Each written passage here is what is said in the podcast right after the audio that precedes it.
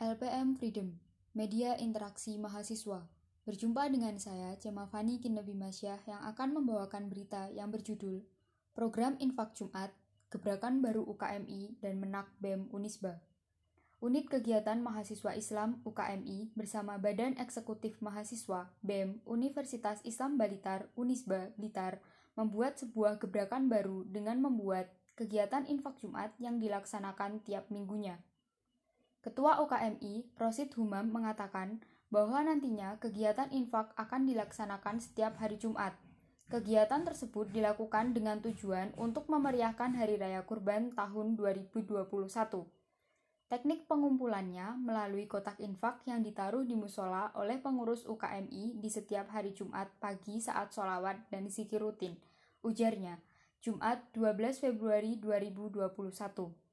Rosid menambahkan, untuk memudahkan jalannya program tersebut, UKMI dan BEM berencana membuat promosi guna menarik seluruh civitas akademika agar ikut berpartisipasi.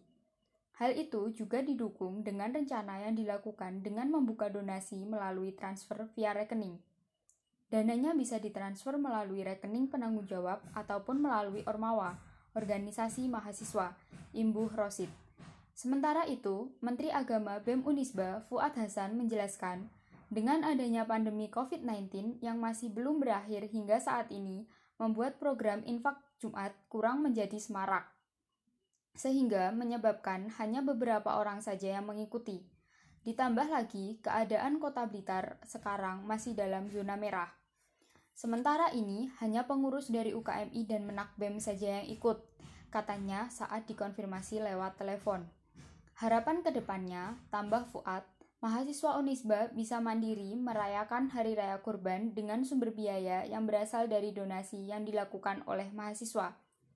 Dikonfirmasi terpisah terkait infak Jumat, Lembaga Pengembangan Agama dan Nilai Islam LPANI Unisba Blitar Muhammad Yusuf Zain mengutarakan terkait dengan kegiatan yang dilakukan tersebut dirinya kurang mengetahui lantaran tidak ada pemberitahuan secara resmi yang disampaikan.